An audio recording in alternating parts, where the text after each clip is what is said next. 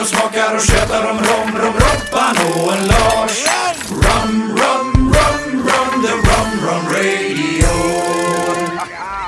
So, hello Sweden and uh, welcome back to a new episode of Romradion. Och eh, idag kommer vi prata engelska för vi har en speciell gäst. Daniel är här från Velier.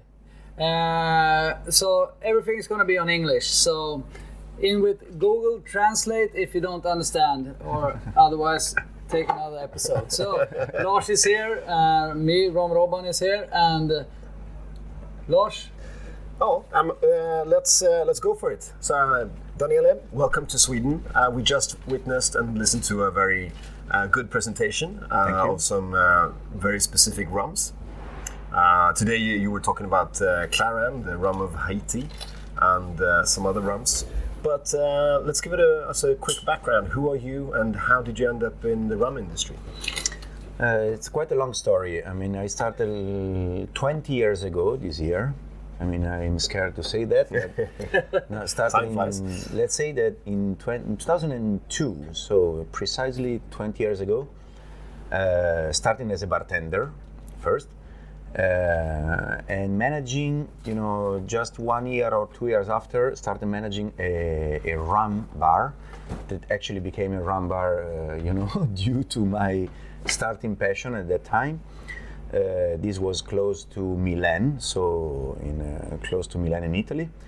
Uh, and you know, my passion started just you know turning bottles and looking at the, the back labels, you know, trying to understand the provenance, trying to understand, you know, who who was the distributor at the time, and um, just searching information on, on internet when internet was like a 56k, you know, ting tong, ting. exactly. I, I'm sure you I'm sure you remember well Some of us do, yeah. when you know information i mean the web was like this and information was very very few uh, also website was not really delivering this information so i mm, started my knowledge uh, really on the that kind of internet and the, the few books that were uh, not easy to find uh, in italy at that time.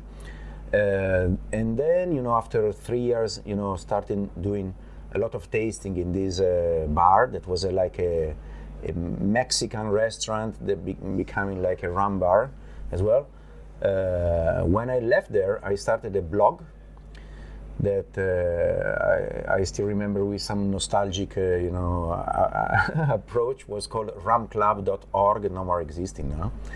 And actually, through that blog, that was the very first, I think, in Italy for sure, and one of the first in uh, in Europe, together with uh, maybe you know Peter Holland, the floating rum Yeah, shack, uh, yeah. which is uh, still a friend. Um, I mean, trying to uh, explain, you know, what was RAM. So it was like a, a sort of a encyclopedia of RAM. Was a blog, the the latest news of the latest releases of RAM, and actually through that website I started also doing a lot of tastings all over Italy, and actually was going well in terms of uh, views and visits. So not not bad at all. So you drink uh, other things than wine in and grappa in, in Italy? Well, actually, uh, twen- 20 years ago or 15 years ago, rum was uh, was starting. You know, in Italy we were uh, lucky, and we are still lucky to have a Velier, which is the company now I'm working with, um, that was carrying uh, many agricole already at the time, many uh, also big rums, big brands. I mean, are from uh, from uh, Dominican Republic and you know Nicaragua. Consider that Italy, since it's a country like in South Europe, the first rum arriving were the Latin style rum, let's say. But Velier was very active already with a lot of agricole. And uh, also Car- was the very first years of Caroni, you know, when a bottle of Caroni was still like uh, 35 euro. And, Well, you- you- at the time, you should have bought a lot. I was I was making you know drinks with Caroni 82 and Caroni 83. I mean, no, no, exactly. It's better not to remember those times. Uh, very nice drinks. Uh, and then, uh, you know, through this blog, I, I really started to have a little bit more of visibility, let's say. And actually, in 2008, just to go ahead, in 2008, um, the institution called West Indies Rum and Spirit Producers Association, WIRSPA, I'm sure you know, uh, contacted me through the through the blog, and they asked me to uh, if I wanted to have a, like a business interview in Barbados. I said, mm, maybe why not? and so I went to Barbados, and they hired me as like a country manager for Italy of the um, the program called uh, Authentic Caribbean Rum. Uh, and so for a couple of years, I, I was lucky, you know, to travel all over the Caribbean with them, and also all over Europe, uh, um, you know, presenting the the campaign of the Authentic Caribbean Rum. I was in charge of Italy, but with my colleagues from uh, from UK and from Spain.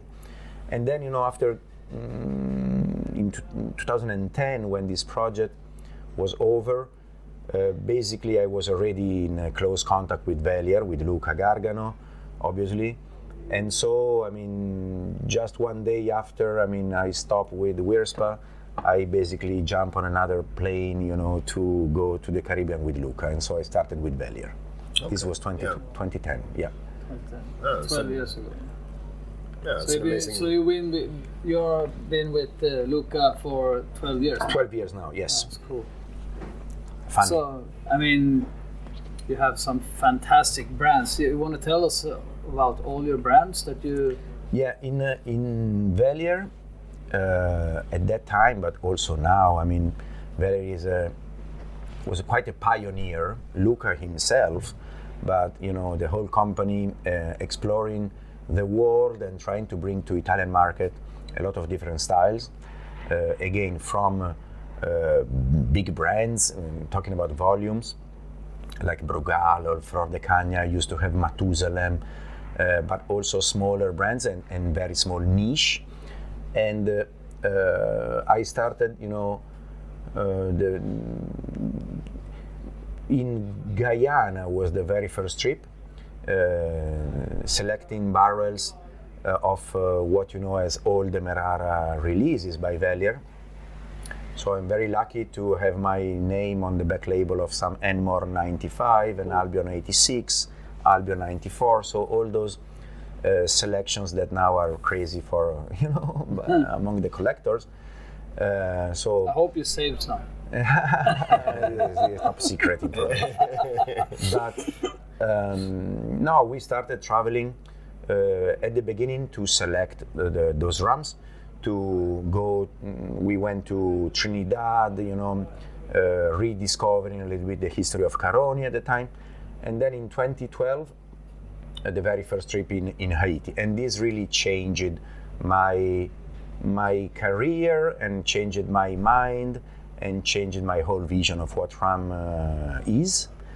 Uh, and then in the following years, together with uh, like a daily commercial slash marketing job, you know, managing. I was actually the brand manager of all these imported brands, but in parallel with this, also discovering uh, new things and uh, managing the development of our own brands. And so after that, uh, we started with um, uh, Habitation Velier, for example. This was 2015. Uh, helping Luca to write Atlas du Rhum. I'm sure you know Yep.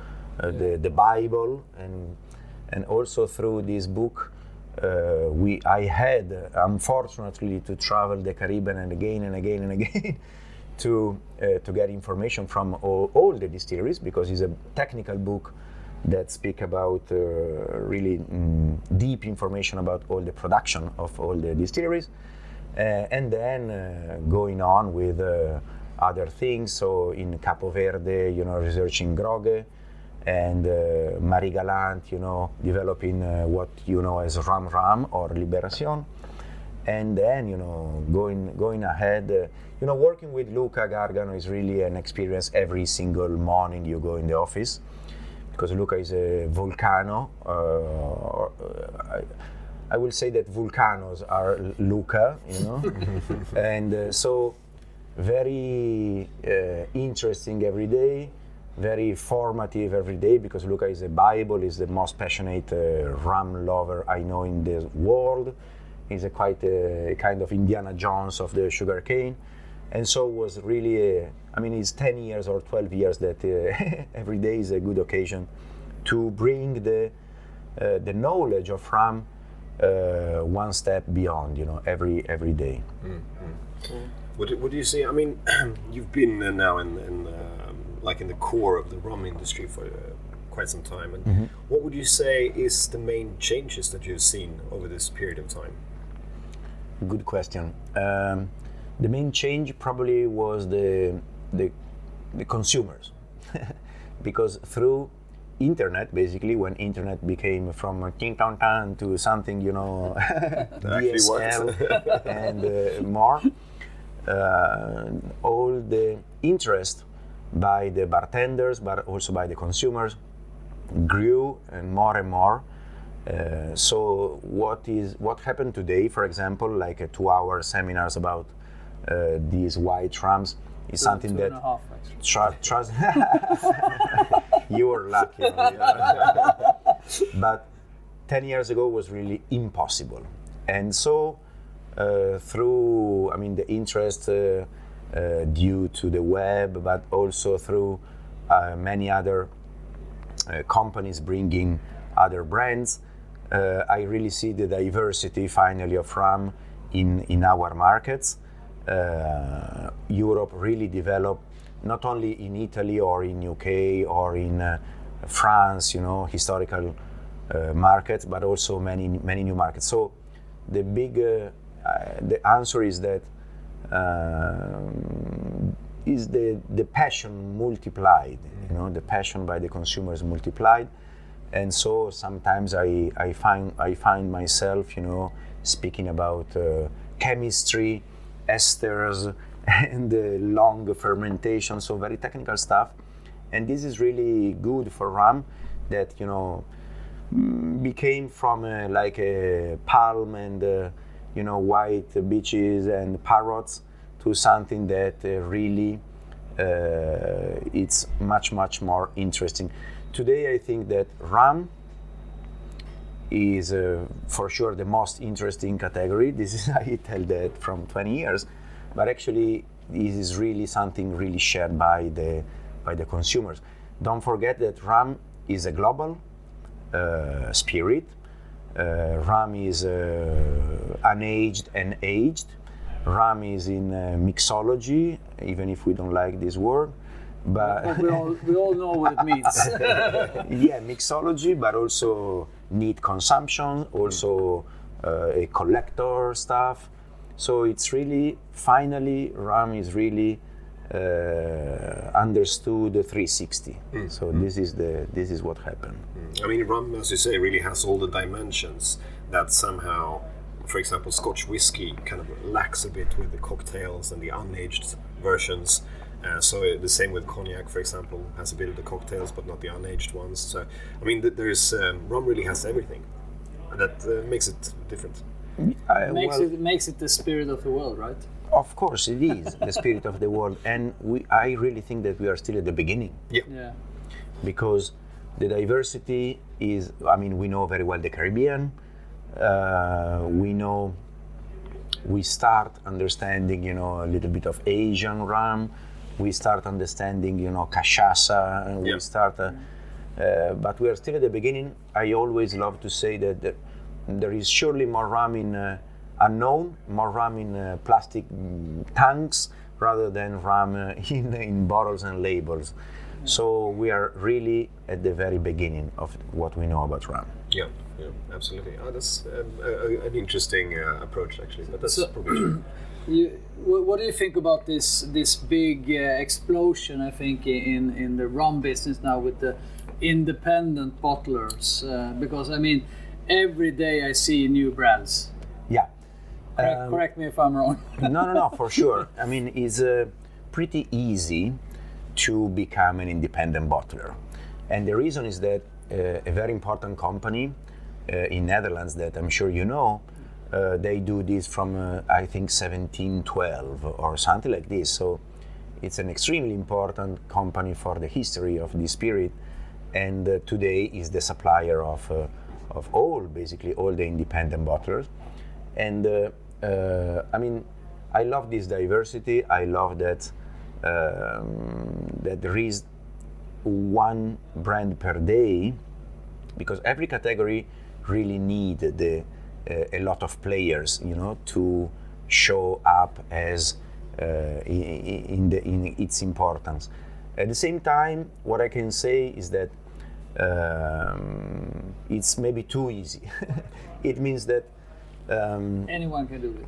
anyone can do it means that uh, all uh, rum lovers now are becoming independent bottlers because again it's not so difficult to to get some good liquids from them.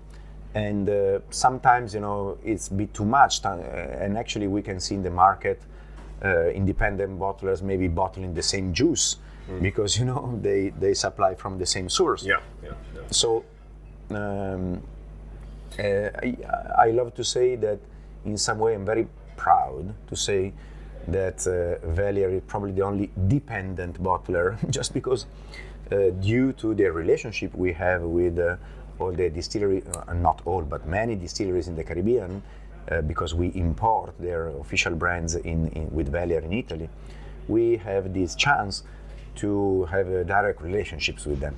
And so we are, let's say, the only company today that can supply uh, barrels uh, directly uh, to the Caribbean. So what we do, first of all, is a tropically aged rum.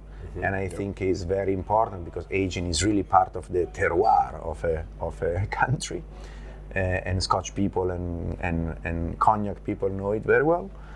Um, but also is a matter of um, uh, respect of what the Caribbean people do there. And so I love to say that what we do are co-bottling, so nothing independent, you know. we really depend from uh, from uh, Foursquare, Worthy Park, Hampden, and many others uh, when we do our stuff because we really uh, do partnership with them, and uh, that's why probably the market, you know, understand and love many independent bottlers, but also give like uh, to Velier a little bit more, uh, you know, recognition uh, for what we do. That's it. Yeah, well, that's interesting. And uh, I mean, we see also how a good thing with this is that I mean, there's been a, quite a few, uh, very few, but very big brands in the rum category, and they are now having to compete with all these new upcomers, and also, I mean, there's actually new distillers being set up in, in the Caribbean even. Yeah. Uh, so there's there's a lot happening. There is a lot happening. Actually, uh, we were sharing that recently. I was in Barbados, and this is a, the first example of this evolution of the Caribbean, but not not the only one. Um, distilleries are really understanding themselves. Let's say, after many decades of uh, uh, like a quite a slow uh, marketing in terms of also production and new products. Now, you know, with this new interest uh, from uh, Europe and all over the world and, and US, obviously, um, distilleries are really uh, interpreting um, what people will like, Yeah. you know, to, to see from them. And so there are a lot of new uh, trends in the Caribbean. For example, uh, I don't know, Mount Gay that recently started with uh, their own pot still only or column still only, or maybe uh, Barbados. We, we, we were saying Barbados uh, building mills, you know, to, Sugarcane to, mills. to crush the cane and to have their own molasses. Uh, we were speaking about Foursquare, and Foursquare also uh, trying to experiment longer fermentation, maybe inspired by by Jamaicans.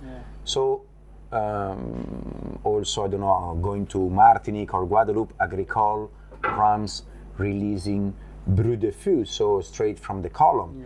So um, the request and the passion of the rum lovers are really mm, making the distilleries uh, twisting, you know, themselves. Working And hard, work- experimenting. working hard and experimenting, exactly. And this is only a good stuff, you know, Yeah. for the category.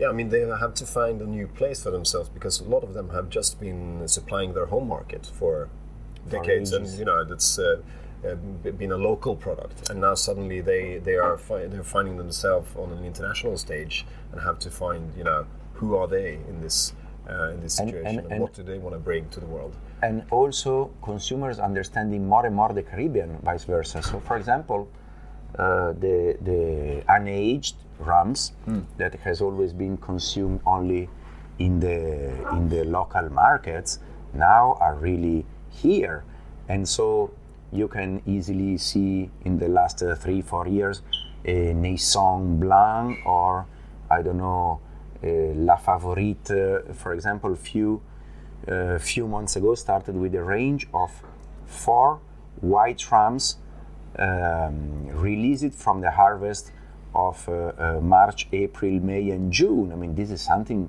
that was unique, never thought by the distilleries because they never thought it could be interesting for the for the European consumers. And now they they are more um, able and, and available to dare a little bit because we love it. And actually release it like this i hope they will they will go super fast you know in, in sales because uh, rum is a complex category. Sugarcane is a very potential you know raw material. And so why don't play with this? Yeah.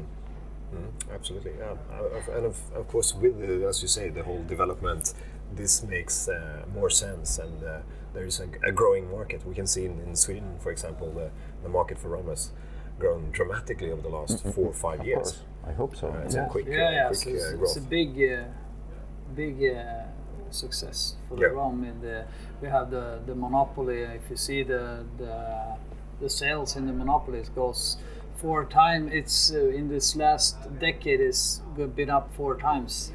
Yeah, it's growing a lot. The the premium, let's say, I don't like this word, but the premium category.